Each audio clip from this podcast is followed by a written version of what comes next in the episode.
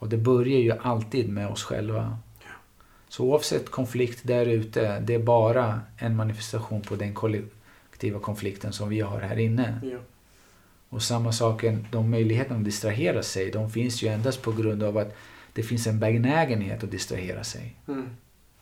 Nu, det är klart att industrin och forskarna har förstått det här. Eh, men det är inte... Men det fortfarande har att göra med oss. Så börjar vi vår egen resa och börjar vakna upp till den storheten vi egentligen är. Att livet är här, det är inte i någon sak. Då börjar också saker och ting förändra sig, inte bara i oss men också omkring oss. Mm. Och det är den förändringen som kommer också skapa förutsättningarna för att kroppen ska läka.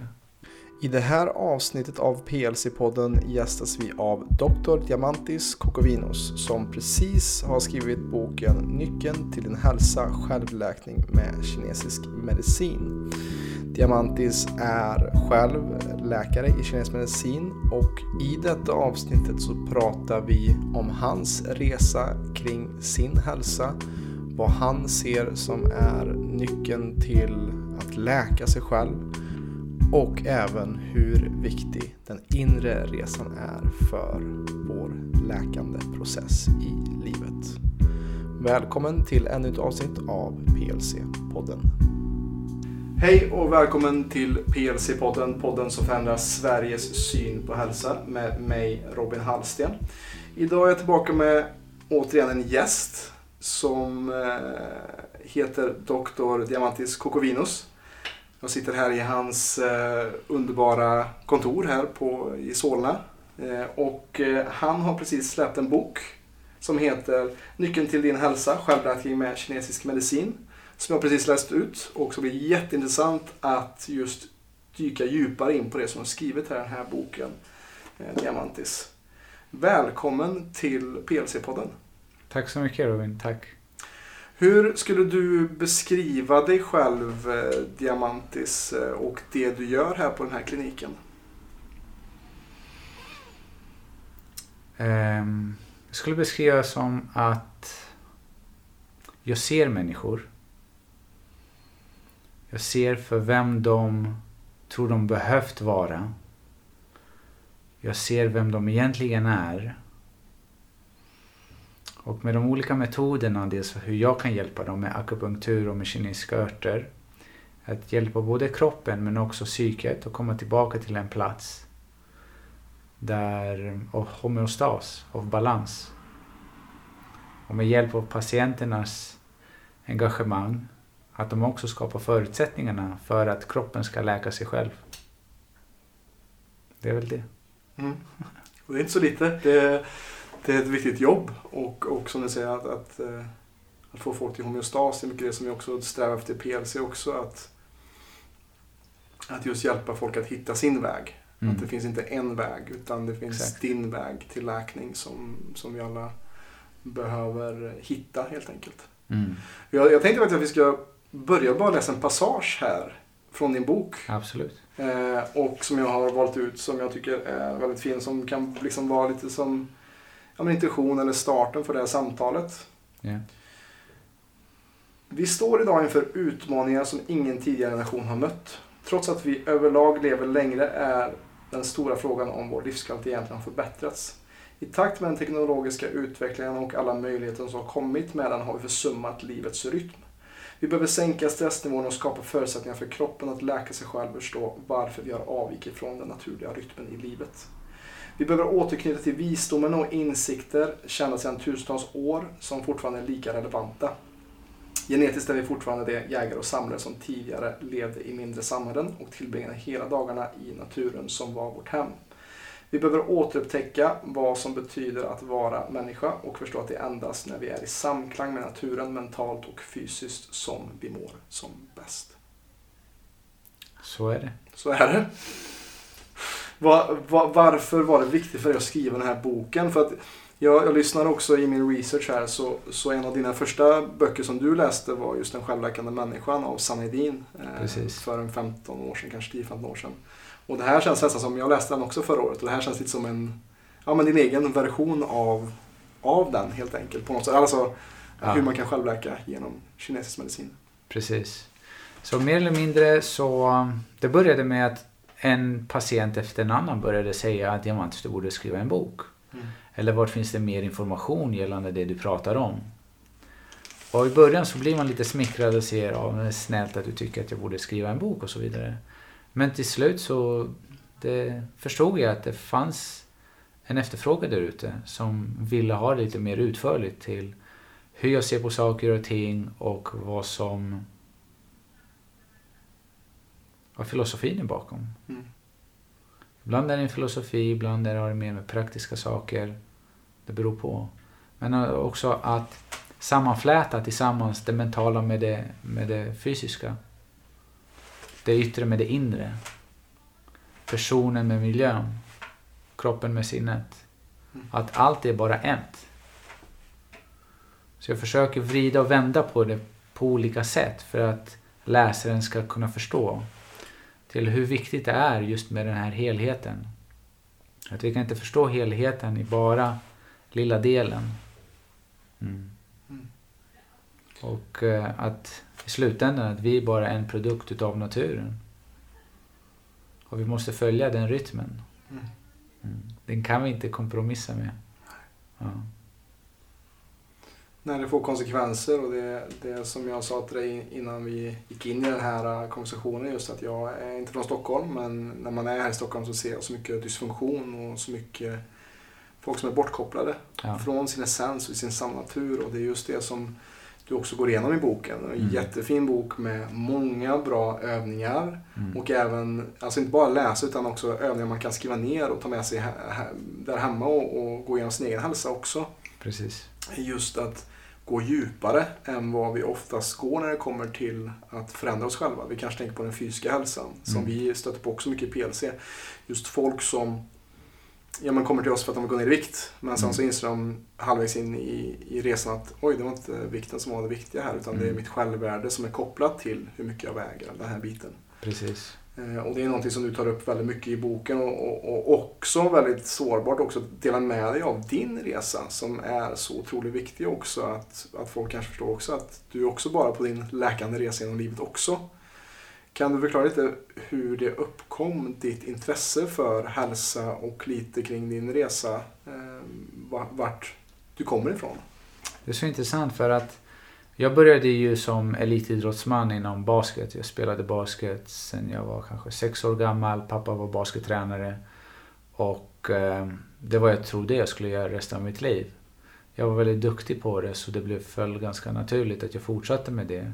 Jag spelade i basketligan, fortsatte sedan i Europa i två år, kom tillbaka.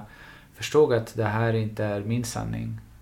Så eh, när jag började reflektera över vad det jag ville så drogs jag till att vilja hjälpa människor. För inte så länge sedan så eh, tömde min mor en, eh, ett källarförråd och där i en kartong hittade hon ett, ett collage jag hade gjort från årskurs två. Det var inte andra ring men årskurs två.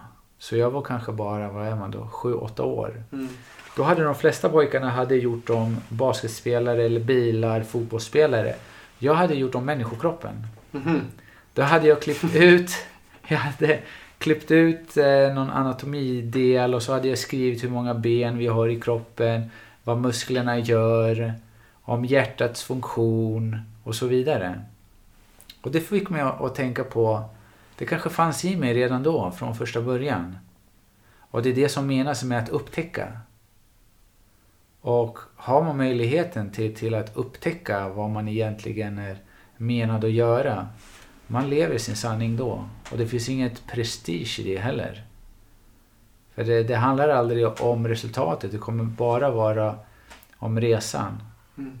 Och det kommer vara mer processorienterat till att du gör det dagligen och du kan inte rå för att inte göra det.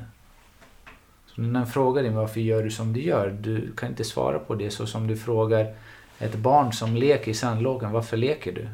Du ser hela meningen med leken i sig är vad de gör. Mm. Och på liknande vis vill jag också säga att jag känner väldigt liknande. Jag, jag, Jag gör det här för att jag kan inte rå för och inte göra det.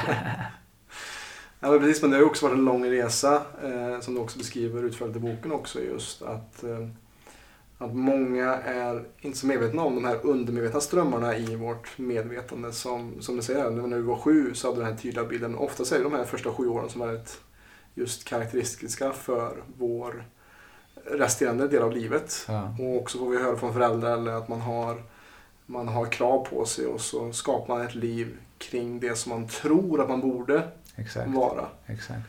Eh, och att det är en, en resa att skala av sig alla sorts identiteter man har kring vissa saker som att du var diamantis elit basketspelaren, du var naprapaten, du, var, Mm. du ville ha någonting att fästa upp din, hur viktig eller hur, alltså Mm. hur viktig man är för att man ska få kärlek eller berömmelse eller, eller sina föräldrars eh, Mm. ehm, godkännande. Precis. Och det är någonting som är otroligt viktigt att börja ransaka. Att mycket av när man också har, kommer in på djupt också med våra klienter som vi jobbar med så är det ofta så att hur kommer det sig att du är stressad då? Du har ju jättemycket tid men ändå så är du alltid stressad och har, har saker som att du inte kan sitta still. Vad beror det på? Och oftast kommer man ju ofta tillbaka då till ett, kanske ett sår från barndomen med där man var tvungen kanske att prestera för att få sin mammas eller pappas just uppmärksamhet. Precis. Så i mitt fall här på kliniken har jag har ju alltid varit en evig sökande i, i varför. Mm. Jag kan aldrig sitta still med, med jag kan inte aldrig, jag kan aldrig ta till mig bara svaret vi vet inte eller det bara är så. Mm. Det, det finns inte hos mig. Mm. Så jag kommer vända på varenda sten Mm. ifall det krävs för att ta reda på varför någon mår som man mår. För det finns alltid en anledning. Och det, det grundar sig i tron och Mm. övertygelsen att vår kropp är skapad för att må bra. Och att den har möjligheter till att läka sig själv. Mm. Och vi kan ju säga att vi hade ju aldrig suttit här om, om våra kroppar och inte har den här fantastiska intelligensen. Den här kroppen som har funnits i miljoner år. Inte kunde läka sig själv. Mm. Då hade män, mänskligheten inte funnits kvar. Vi hade dött ut för länge sedan. Exakt. Men någonstans har vi glömt bort det. Eller vi har förbisett det på något vis. Mm. Kanske inte tagit det på full allvar.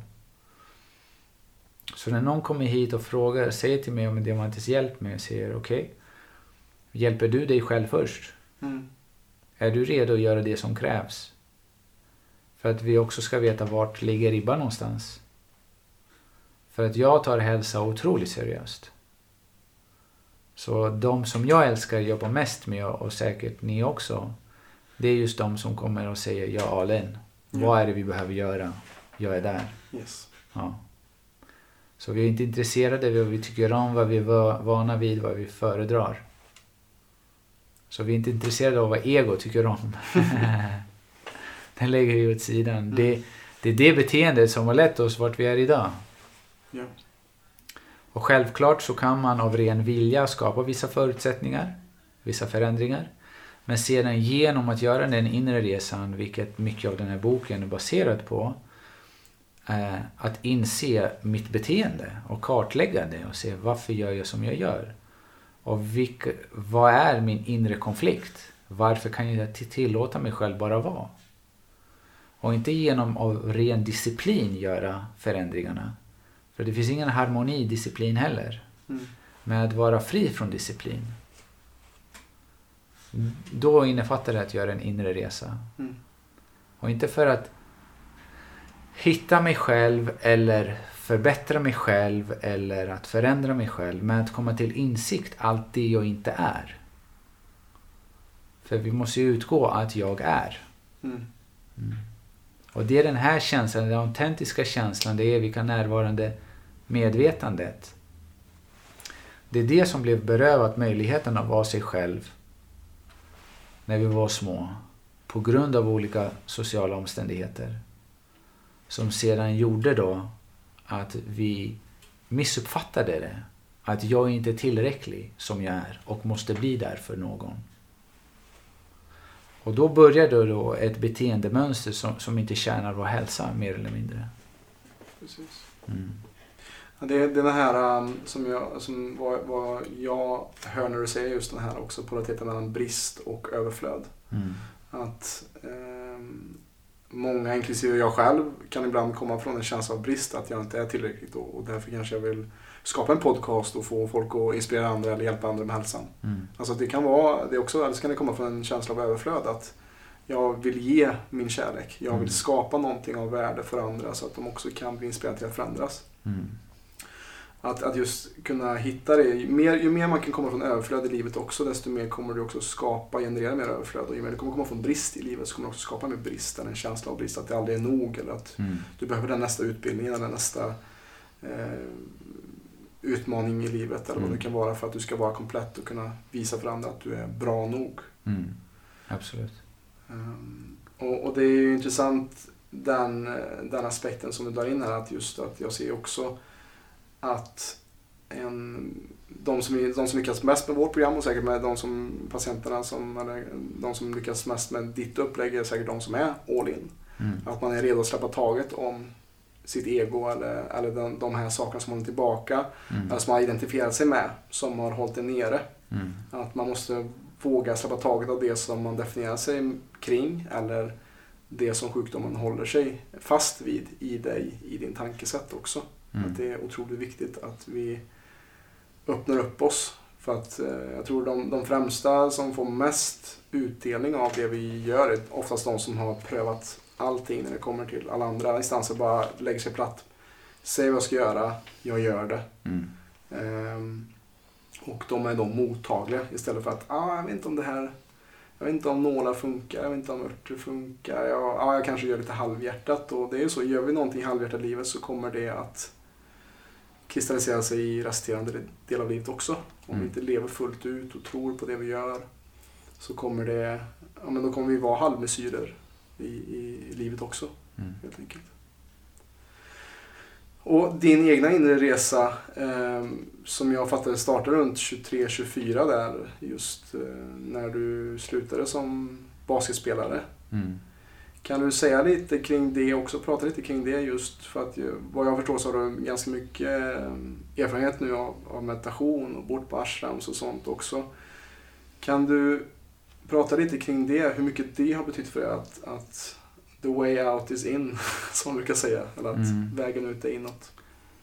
Ehm, Det är så lustigt för att när jag började min utbildning inom kinesisk medicin. Den första lektionen vi hade var ju som daoistisk filosofi. Mm. Och jag fick existentiella svar där om livet. För att jag kände någonstans att det är inte rimligt.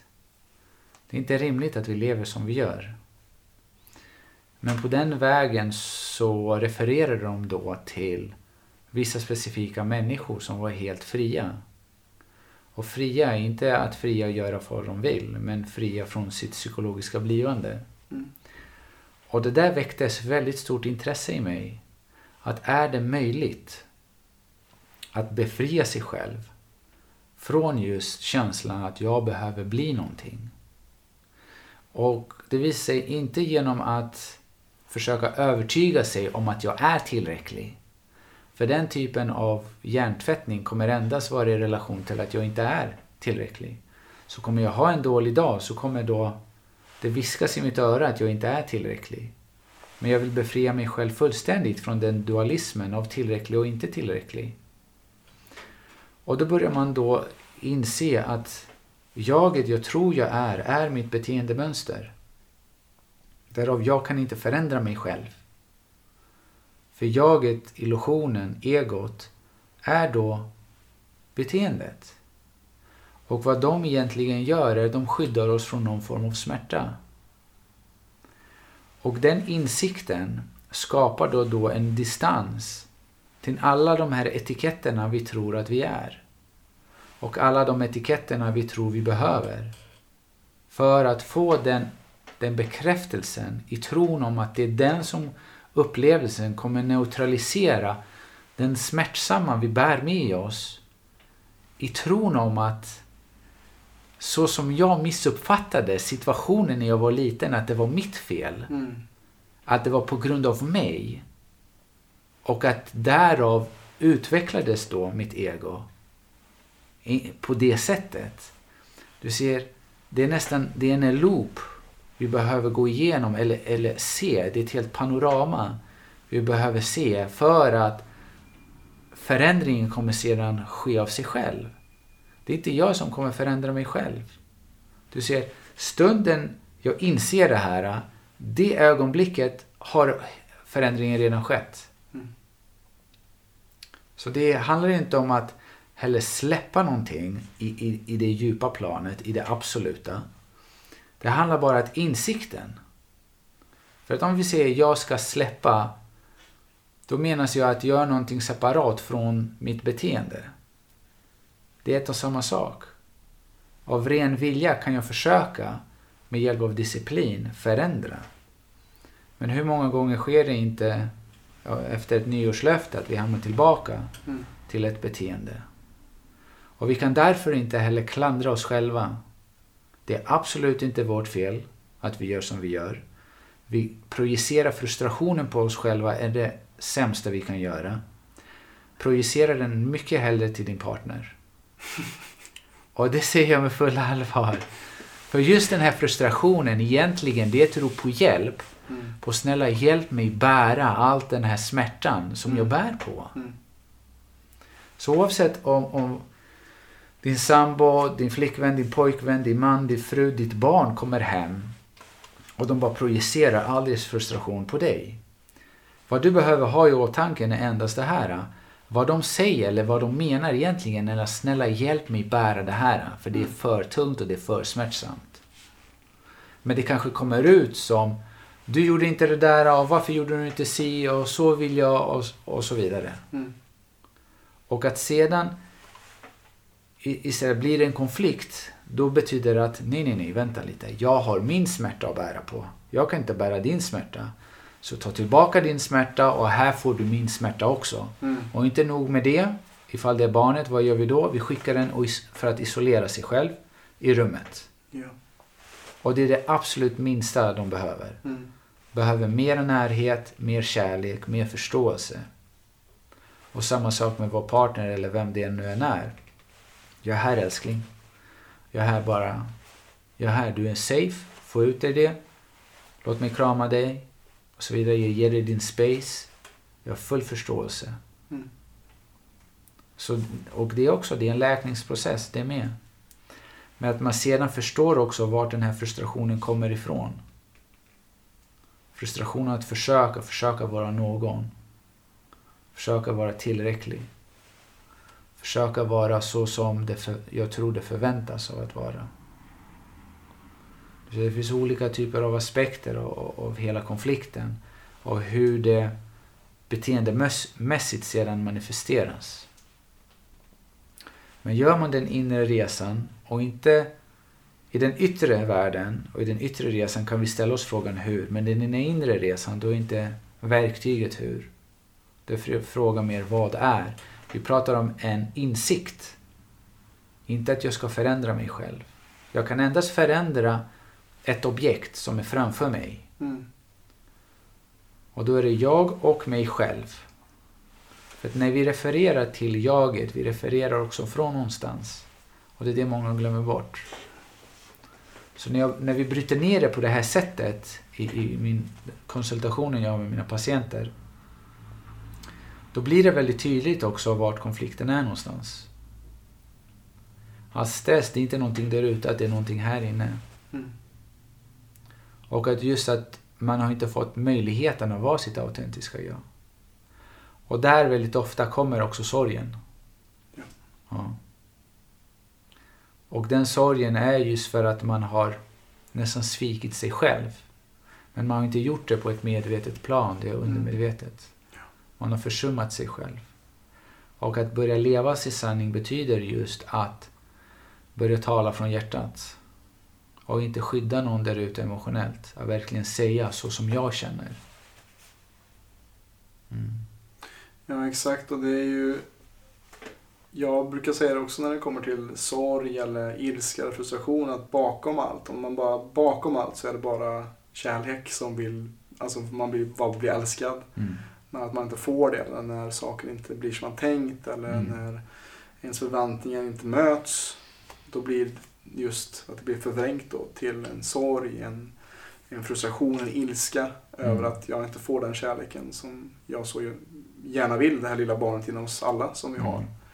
Mm. Eh, och där det är så viktigt. Eh, och vilken gåva Diamantis att kunna ha någon som ska möta eh, patienter på det här sättet. Mm. För att jag tror att jag hörde någonstans, eh, jag vet inte exakt, men att alltså just snitttiden som man har med till exempel en allmänläkare någonting är väl 10-15 minuter kanske på sin höjd. Mm. Och, jag hör också att, att du har minst 90 minuter ditt första samtal med en klient. Mm. Eh, precis som vi faktiskt också har. För att vi vill se allt. Vi vill ha en analys på vem de är och Mm. vad de vill. Men det är verkligen så att om jag ska försöka hjälpa dig, jag måste lära Mm. känna dig. Mm. Och samtidigt så vill jag säga att när man går till en läkare i sjukvården så bör man ha vissa, man kan inte ha vil- vilka för, förväntningar som helst. Mm. Du går dit för att utesluta vissa allvarliga diagnoser. Ja. Du kan inte förvänta dig att prata om livsstil. Mm. För att dels finns det inte utbildning inom det. De är inte utbildade i det området. Det finns inte tid för det.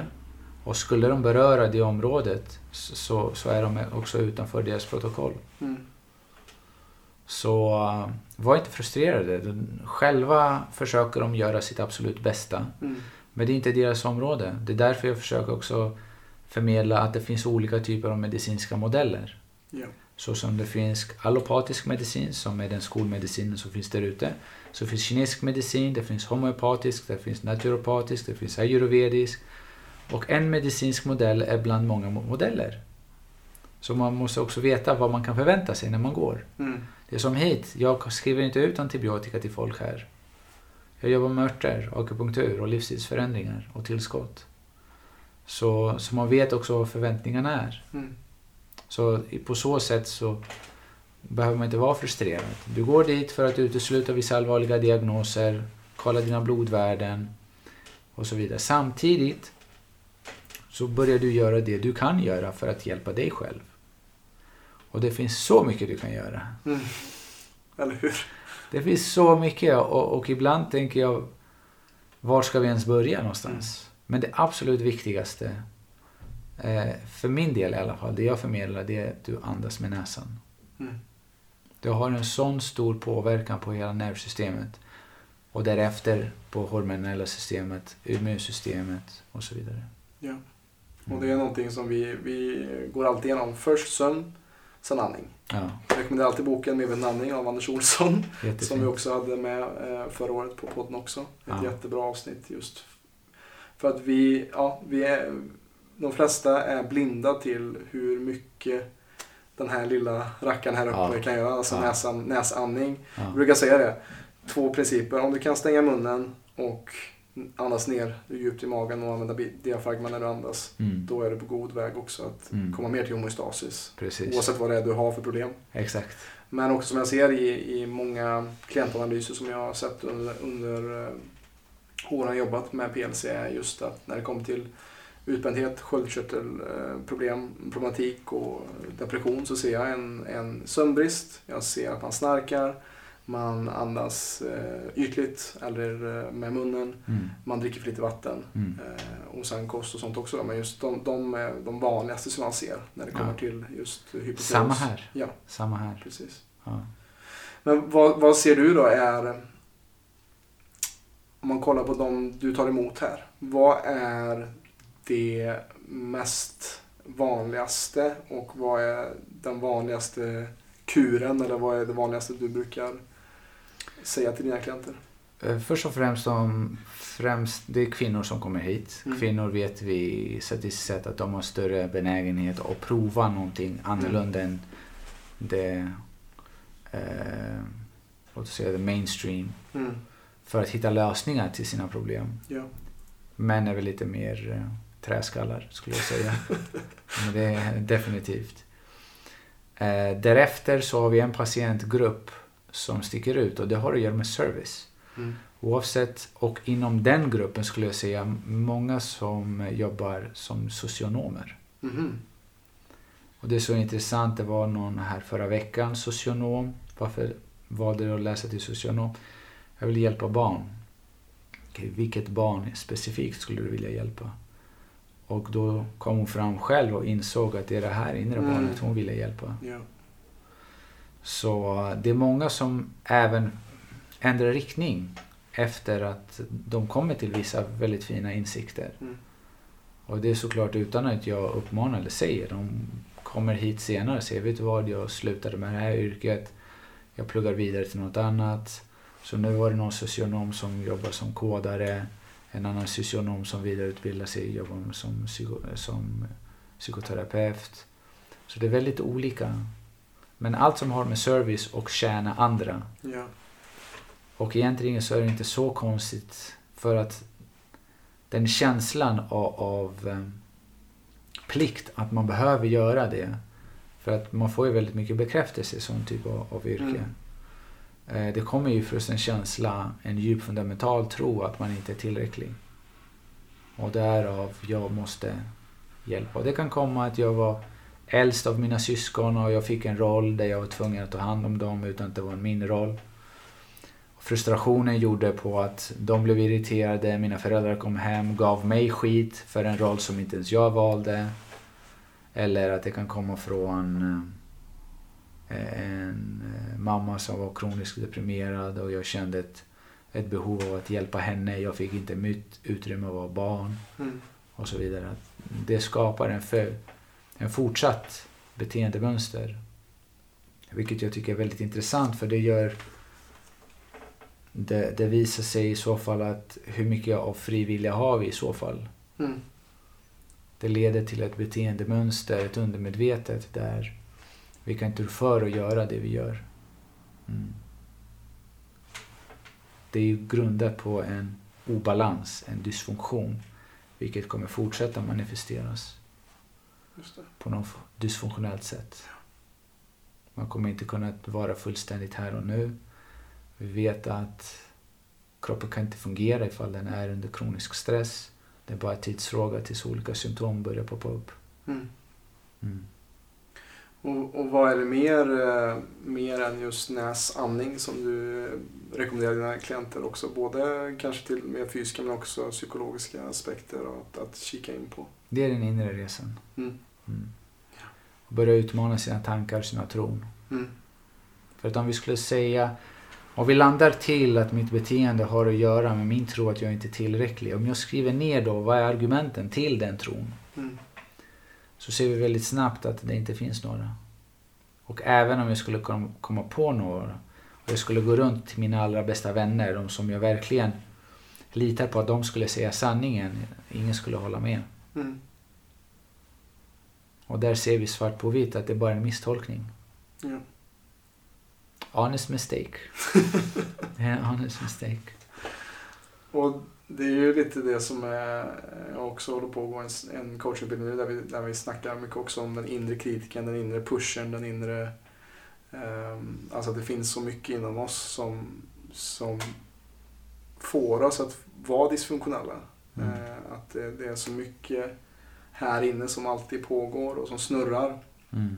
Och precis, jag instämmer också med vad du säger att just den här inre resan är ju också någonting som, som jag kan skriva under själv på och jag, du med liksom att, att när man har kommit, blivit mer vän med sig själv i sitt inre och kan tysta ner det mer på en regelbunden basis så gör det också att man på något sätt skapar en, en ny grund till någonting annat än att det är ens tankar och eh, känsla av att man inte är nog som styr. Mm. Men att det alltid också är såklart en ständig, ständig kamp att, att hålla sig fri från negativa tankar och, och sådana saker som är närvarande. Men det är också ofta, oftast därför folk som kommer till mig också som frågar men jag har så svårt att slappna av, jag har så svårt att ta det lugnt. Och det är oftast det för att man har kört sig så hårt tidigare att vem är jag när jag inte skapar, vem är jag när jag inte gör någonting? Och också, eh, vi snackar lite om sorg, att när vi också stannar upp så är det många som också är nya med meditation som frågar mig varför börjar jag gråta? Jag vet inte vart, vart kommer det här ifrån? Och det är ju oftast just det här inre barnet som bara vill bli hållet eller som inte har tillåtit sig själv att känna någonting Mm. alls Mm. på kanske decennier till och med. Så är det. Och alla de här stagnerade och ackumulerade känslorna behöver ju vi detoxa på något sätt. Mm. Och vissa, på grund av en dysfunktionell uppväxt med eller utan trauman, så har deras emotionella kran blivit otroligt ohårt Mm. Med en stor röd skylt ovanför, gå inte dit, rör inte det här. De, åtminstone har de en ådra där de här känslorna kan uttrycka sig och ibland kan det vara bara gråt. Så ibland så är det intressant att oavsett om de blir glad, ledsen, frustrerad eller arg, allt kommer ut i gråt. Mm. Då tackar man åtminstone att det finns en väg ut. Ja. Men när man gör sin inre resa och börjar befria sig själv från de indoktrinerade tron om sig själv och sitt mönster så börjar man se också, man lär sig om, man lär om sig själv att särskilja på de olika känslorna. Så till exempel, jag frågar mina patienter ibland, när var det sist du skrek? Mm. De säger, jag har inte skrikit på decennier. Då får de som läxa att skrika. Det bästa stället i bilen. När du har parkerat, håll i hårt i ratten, sätt på någon, någon låt som kan trigga. Och så verkligen få ut. Och sen brukar de också skriva till mig och tacka så mycket för det är så förlösande. Mm. För just känslor är så otroligt energiskt laddade. Och det börjar ju från små barn när... Jag kan bara som ett exempel ge min dotter. Hon började gå, snubblade på sina egna fötter, ramlade, grät som jorden höll på att gå under. Och då är det ju väldigt lätt att man vill skydda sig själv från den smärtan av att se sitt barn gråta. Mm. Genom att distrahera henne eller säga att det var inte så allvarligt. Men vad vi gör då är att det är nästan som att jag säger till mig, vill säga till mig själv att det är inte så allvarligt. Men jag kapar ju hennes emotionella detox. Så när, när hon gråter, vad egentligen hon gör är att hon detoxar sig själv emotionellt från den upplevelsen. Men ifall jag kapar den, då kommer inte hon möjlighet att slutfölja den. Mm. Det betyder att en del utav den här känslan kommer fortfarande vara här inne. Och de energiska känslorna i kinesisk medicin, vi ser dem också som en specifik vibration. Så min, vad jag egentligen har för, för skyldighet är bara visa henne att du är i en trygg plats genom att hålla i henne. Och att tillåta den här emotionella detoxen ta sin tid. Tills hon kommer till slutet där hon Mm. och då har det släppt. Och då kan vi gå tillbaka och leka. Mm. Men ifall vi lär dem från den åldern att man inte ska visa känslor, att det är någonting tabu, att det är något, vi har stigmatiserat det. Genom också att kritisera barnet. Vi kan säga att det är en pojke och säga, ja, men gråter du igen? Eller nu, håller du, nu beter du dig som en flicka. Mm. Samma sak till flickor. Säga, ja, men du gör inte så. Snälla flickor gör inte så. Eller Mm. si. Vi berövar dem det möjligheten att vara sitt autentiska jag. Ja. Det finns ingen, det finns ingen förälder som vet den exakta formen i vilket föräldraskap eller hur man ska uppfostra sitt barn. Det är därför man ser på, på, på engelska Just don't screw them up too much. Det är så här, vi, vi kommer, saker kommer sätta sig som en mental flisa Ja. hos barnen som de sedan kommer behöva läka själva. Men så länge din intention är att göra ditt absolut bästa och vara fullt närvarande kring barnen så, så tror jag att du, det är en väldigt bra utgångspunkt. Ja. Och samtidigt göra din inre resa. För att inte beteendemönstret ska gå undermedvetet från en generation till en annan.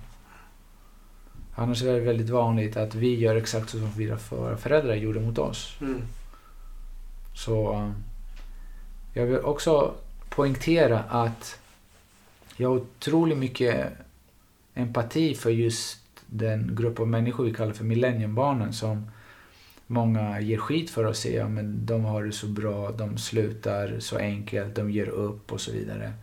Först och främst så är den den första generationen, den generationen som så mycket transgenerationstrauman har ackumulerat och de behöver ta tag i. Samtidigt från andra sidan, om framtiden finns det så mycket förväntningar som Mm. faller på deras axlar. Och där i mitten är de fastklämda. Och det är inte så, så konstigt att de distraherar sig på olika sätt. Ja. Men att kritisera dem och säga att de, de ger upp och de slutar så, så lätt. Tänk på det här, ifall du tror, ifall det är smärtsamt att sluta och säga jag ger upp. Det är så mycket mer smärtsamt att, att fortsätta göra någonting som... Av plikt. Av plikt. Mm. Det är inte en lätt sak att, att, att säga att jag vill inte. Mm. Så uh, mer kärlek och mer empati och mer förståelse. Mm. Och mer nä- närhet. Och, och mera samtal. Ja. Mm.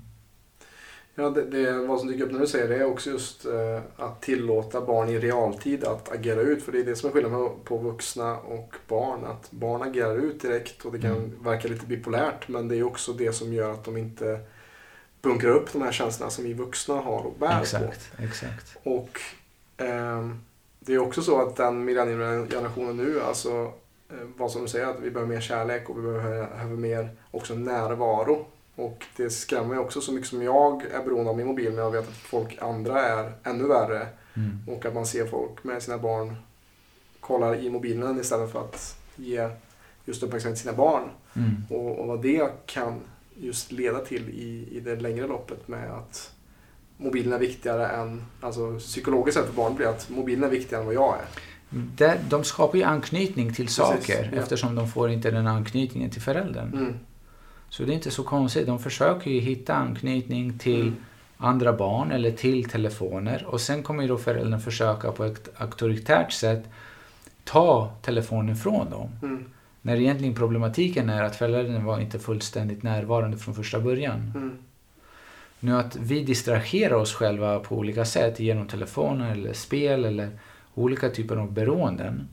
Det har ju funnits hur länge som helst, det har bara förändrats. I början var det tidningen. Nu kan vi titta tillbaka och säga men det var inte så farligt, det var ju bara en tidning. Men det är också en form av distraktion. Mm.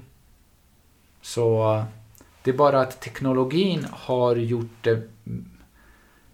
Sättet vi distraherar oss själva har förändrats genom tiden. Och där är det värt att påpeka att industrin har förstått det. Så den rider på den här vågen av känslan av otillräcklighet och viljan av att distrahera sig själv och fly verkligheten. Och den ger dig mer alternativ.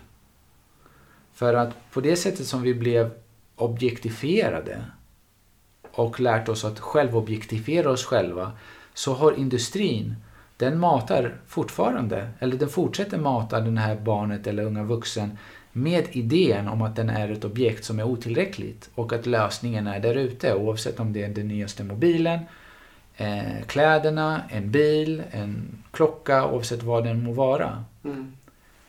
Eh, och det är nästan som att man häller salt i såret. Ja. Man bara fortsätter samma mönster. Mm. Så tyvärr, konsumtionssamhället kan endast existera ifall vi fundamentalt tror att vi är otillräckliga. Ja. Vilket får oss också ställa frågan, vart är vi på väg kollektivt? Mm. För jag vet ju inte vad lösningen är i alla fall. Eh, men det är definitivt inte den riktningen som vi kollektivt undermedvetet har, har valt. Mm. Och det, ingenting tyder på att det går mot bättre håll. Nej. Nu ser vi också med de olika spelen och att det är virtuell verklighet och metaverse hörde jag att det var någonting som de förbereder. Mm. Det är ännu en, ett sätt att distrahera oss från Ja. den smärtan vi behöver läka av, den, av, våra, av vår uppväxt, så, om en dysfunktionell uppväxt eller trauma. Yes. Så bara det ställer ju så många nya frågor och Mm. men hur ska vi gå tillväga och vi kan tänka oss att det är politi- politikerna som behöver skapa förutsättningarna för det men det finns ingenting som tyder på att det kommer gå den riktningen. Men det är någonting som vi kollektivt behöver göra Mm. och det börjar ju alltid med oss själva. Så oavsett konflikt där ute, det är bara en manifestation på den kollektiva konflikten som vi har här inne. Ja. Och samma saken, de möjligheterna att distrahera sig, de finns ju endast på grund av att det finns en benägenhet att distrahera sig. Mm. Nu, det är klart att industrin och forskarna har förstått det här. Eh, men det är inte... Men det fortfarande har att göra med oss. Så börjar vi vår egen resa och börjar vakna upp till den storheten vi egentligen är. Att livet är här, det är inte i någon sak. Då börjar också saker och ting förändra sig, inte bara i oss men också omkring oss. Mm. Och det är den förändringen som kommer också skapa förutsättningarna för att kroppen ska läka. Ja. Och också skapa rum för samtal mellan fyra ögon också. Att, Absolut. det är så otroligt viktigt nu i, efter de här tiderna som varit också med att skapa mer isolation och, Ja. och vi är sociala varelser som behöver Ja. inte bara en artificiell kontakt utan också kunna ta och se varandra i ögonen. Precis. Och det är jätteviktigt tycker jag. Att det är någonting som glöms bort i det. Mm. Och som du säger, som du är inne på, att det är svårt att veta hur man ska lösa ett sånt stort problem men, men kommer tillbaka gång efter annan och tycker att det är den inre resan Mm. som, som vi har pratat om och som vi båda själva har märkt i våra liv att när vi har förändrat vår inre natur så förändras vår externa natur Mm. också. Mm. Och för någon som kanske är ny, som kanske blir lite överrumplad över allt som vi har sagt i det här och som du har så klokt sagt i det här avsnittet. Vart börjar man? Vart börjar du din resa och var, skulle du råda folk att börja när det kommer till den inre resan? Jag skulle säga att det finns fyra stadier av egot. Det första är att man fullständigt absorberat i det. Man vet inte Mm. ens om att det finns ett ego eftersom man är det. Nummer två är att man börjar inse att det finns en distans. Så egot är då alla våra tankar. Så vi kan väldigt lätt rabbla upp saker vi inte är. Mm. Istället för att försöka uppleva vad vi är, börja från andra hållet. Och se, är vi vår kropp eller har vi en kropp? Och det är inte väldigt tydligt för, för många som kommer hit. För att det är inte någon fråga man har riktigt ställt. Mm. Men om vi ser om vi är vår kropp, det betyder att jag är mitt hår, jag är mina naglar, jag är min hud, jag är min hand. Men ifall jag rakar mig och mitt hår är där, är det jag som är där. Jag är fortfarande här. Mm. Om jag klipper mina naglar, de är där. Men jag är fortfarande här. Till och med min, min hand. Om jag råkar ut för en olycka. Chop, ingen hand. Jag kommer ju se att jag förlorade min hand. Mm. Det betyder att handen är borta, jag är fortfarande här. Den här kroppen förändrar sig. Varje sju år har vi fullständigt ny kropp. Vilket indikerar på att det är någonting vi har, det är inte någonting vi är. För vi refererar till det som min och mitt. Precis som i en bil, när vi går in i bilen och kör bilen, vi blir inte bilen. Vi är födda då in till den här kroppen. Och därför är det här vårt tempel. Mm. Det är vårt instrument. Så med den insikten kan vi lägga undan då vad vi inte är och då börjar vi då med kroppen. Sen kan vi gå vidare till det mer immateriella. Och då kan vi säga då våra tankar. Är vi våra tankar eller har vi tankar? Många säger att jag har problem med så mycket tankar. Men om vi förstår att jag är den som betraktar tankarna. Jag kan inte säga att jag är mina tankar. Mm. För tankarna kan inte existera oberoende av mig. Jag måste ju finnas för att tankar ska finnas. Där helt plötsligt skapas då en distans till dem. Och då ser vi att det är jag som betraktar dem. Ja. Och inte nog med det, det produceras ungefär 50 till 70 000 tankar per dag. Och tack gode gud att vi inte är medvetna om alla dem. Men ju mer vi då stannar som betraktaren, som observerar tankar, då börjar vi också sakta ner det här flödet av tankar. För ju mer vi går in i tankarna, desto mer spinner vi hjulet. Och med genom andningsövning och meditation skapar vi en distans och det här börjar lugna ner sig. Och då kan vi uppleva då den fundamentala verkligheten mellan våra tankar. Det som redan är här och nu. Så är vi då medvetna om att överens om att vi inte är våra tankar, då kan vi också lägga dem åt sidan. Mm. Och sen vidare har vi känslor. Frågar oss själva, är vi våra känslor eller har vi känslor? De känns väldigt sanna och de är ju där och de är ju riktiga. Men väldigt ofta är de inte pålitliga. För att tankar och känslor har också en väldigt nära relation. Nu för att egot ska övertyga oss att det du tänker är sant så har den också kidnappat hela hormonella systemet som producerar hormonerna, känslan, upplevelsen för att övertyga oss om att det stämmer. Inte bara för att jag tänker på det men också för att jag känner det. Mm. Men på samma sätt som tankar så också känslor, det är ett objekt framför oss som vi kan betrakta. Och då skapas det då en distans till det. Och slutligen då minnen. För vi skulle vi säga då att många kommer hit och säger Diamantis, jag har så mycket bagage med mig. Jag har kommit från de här för förhållanden, det här har hänt mig och därför är jag som jag är idag. Då indikerar vi också att jag är mitt minne. Men minne är någonting jag har, det är inte någonting jag är. Och återigen, det är ju jag som betraktar när ett minne poppar upp i mitt medvetande eller inte. Ja, det är jag som väljer ifall jag vill gå in i det minnet och fortsätta vad som hände. Så den här distansen till de sakerna som inte egentligen är vi skapar också ett utrymme av att bara vara. Speciellt om vi ställer oss frågan vad är det som finns kvar? För nu börjar det bli väldigt intressant. Vad är det som finns kvar? Vad är det som är här och nu? Mm. Och vi kan inte gå till vårt minne. Vi kan inte komma på någonting, hitta på någonting hur vi skulle beskriva det här som är nu. För skulle vi beskriva det här behöver vi gå till vårt minne. För att använda oss av någonting som vi upplevt tidigare eller hört någonstans. Eller använda oss av en kombination av tankar och minne. Men det som finns här och nu, det som är villkorslöst, det är det eviga medvetande, närvarandet, som betraktar allt det här. Och på så sätt så hamnar vi i en plats. Det är inte att jag hittar mig själv. Jag hamnar i mitt epicentrum.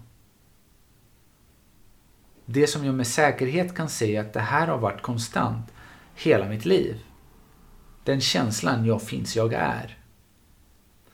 Nu, den känslan har sedan gått över till som vad finns jag? Som basketspelaren, som studenten.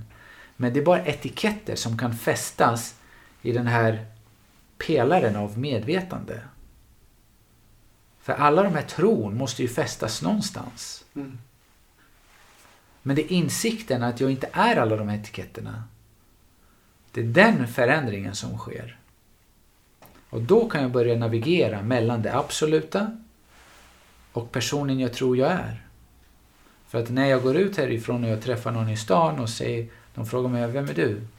Det är inte så jag kommer säga jag, jag är ingen eller jag är medvetandet. Jag kan fortfarande vara diamantis och jag kan vara den som har studerat medicin och jag kan vara den basketspelaren oavsett vad det nu än är. Men jag blandar inte ihop den kostymen med vem som bär kostymen. Mm. Och då sker också ett skifte, både mentalt, psykiskt, emotionellt. Nervsystemet kommer mer här och nu. Och saker och ting kan börja fungera som de ska. Och det som är då balans kommer sedan också leda till harmoni. Så det är inte jag som måste hitta balans.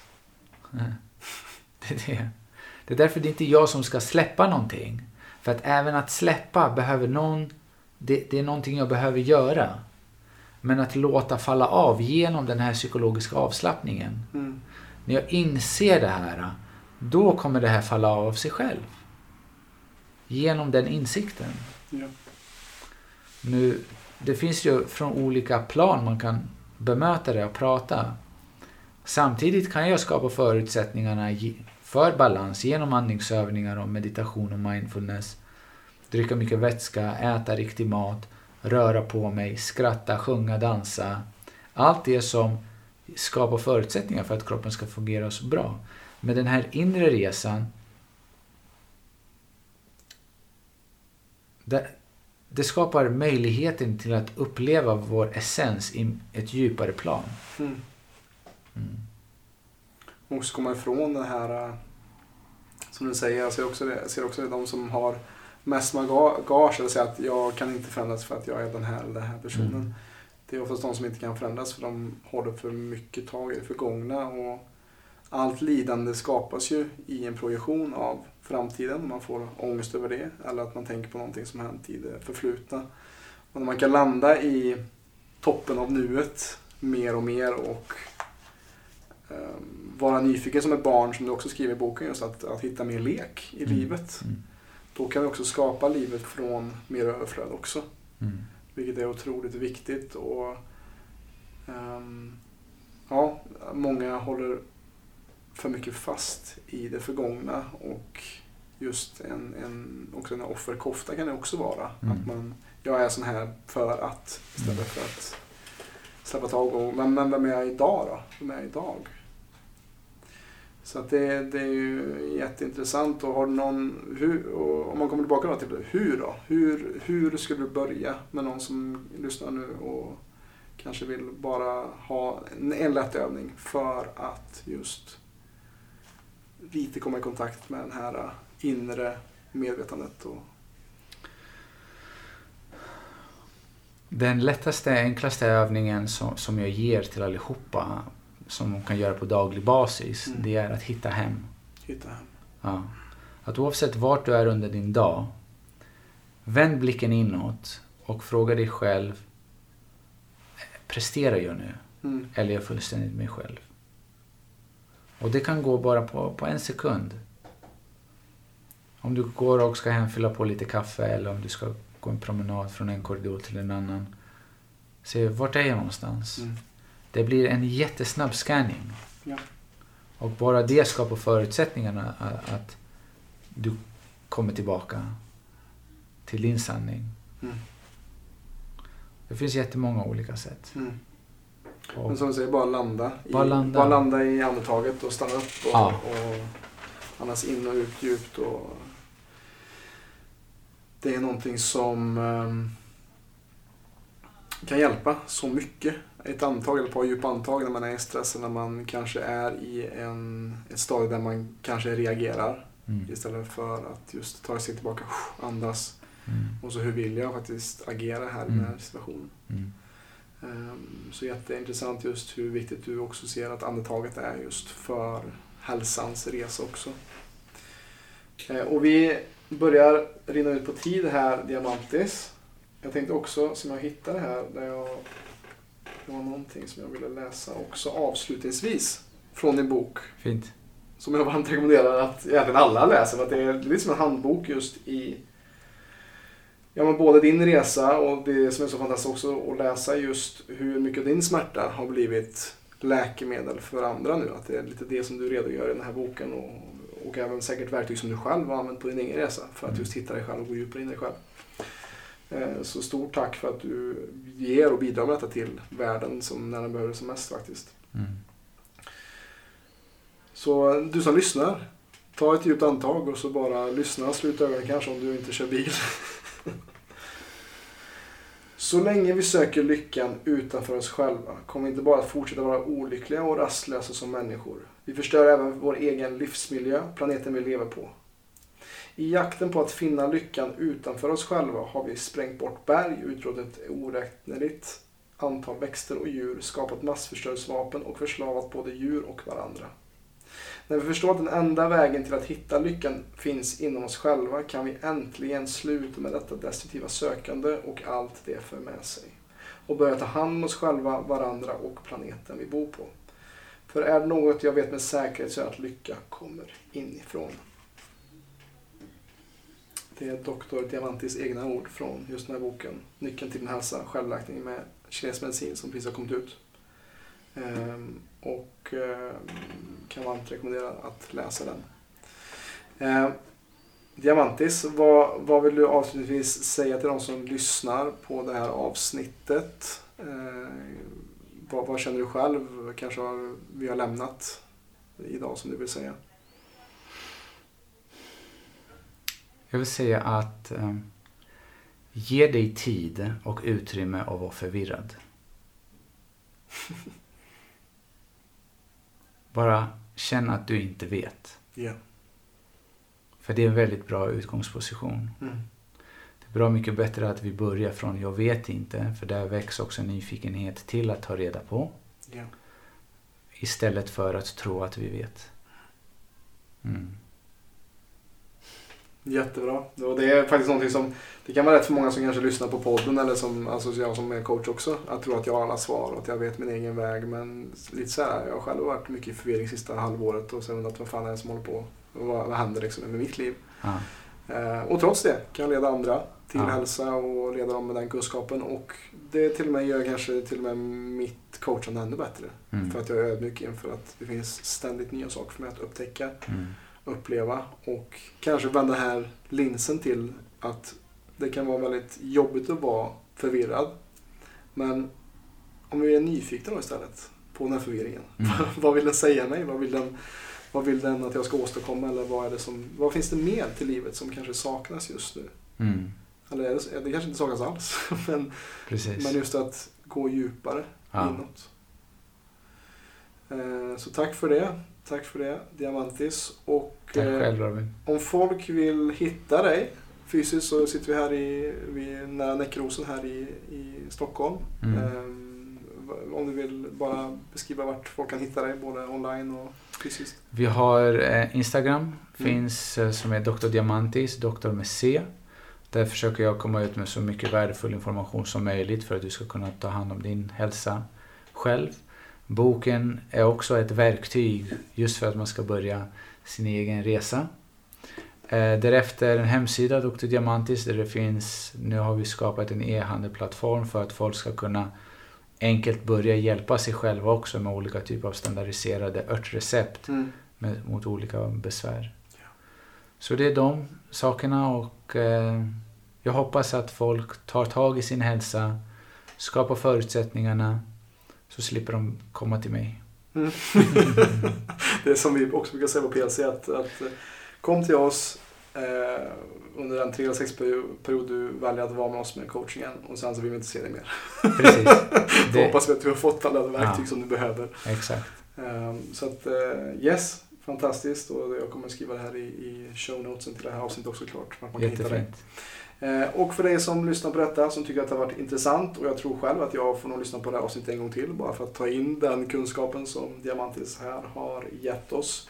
Eh, Men för all del, om du tycker att detta är intressant så dela gärna detta avsnittet till när eller kär så att vi sakta men säkert kan förändra Sveriges syn på hälsa.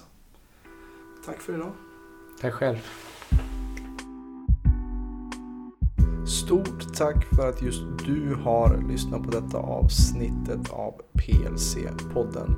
Och är du mer intresserad av vad vi jobbar med på PLC, kika in vår hemsida www.plclub.se Alltså www.plclub.se för att se mer av hur vi jobbar kring holistisk hälsa och eh, ta del av kanske medlemskap eller bli en klient för att hjälpa dig till optimal helhetshälsa i ditt liv. På återhörande, ta hand om dig, ha det bra.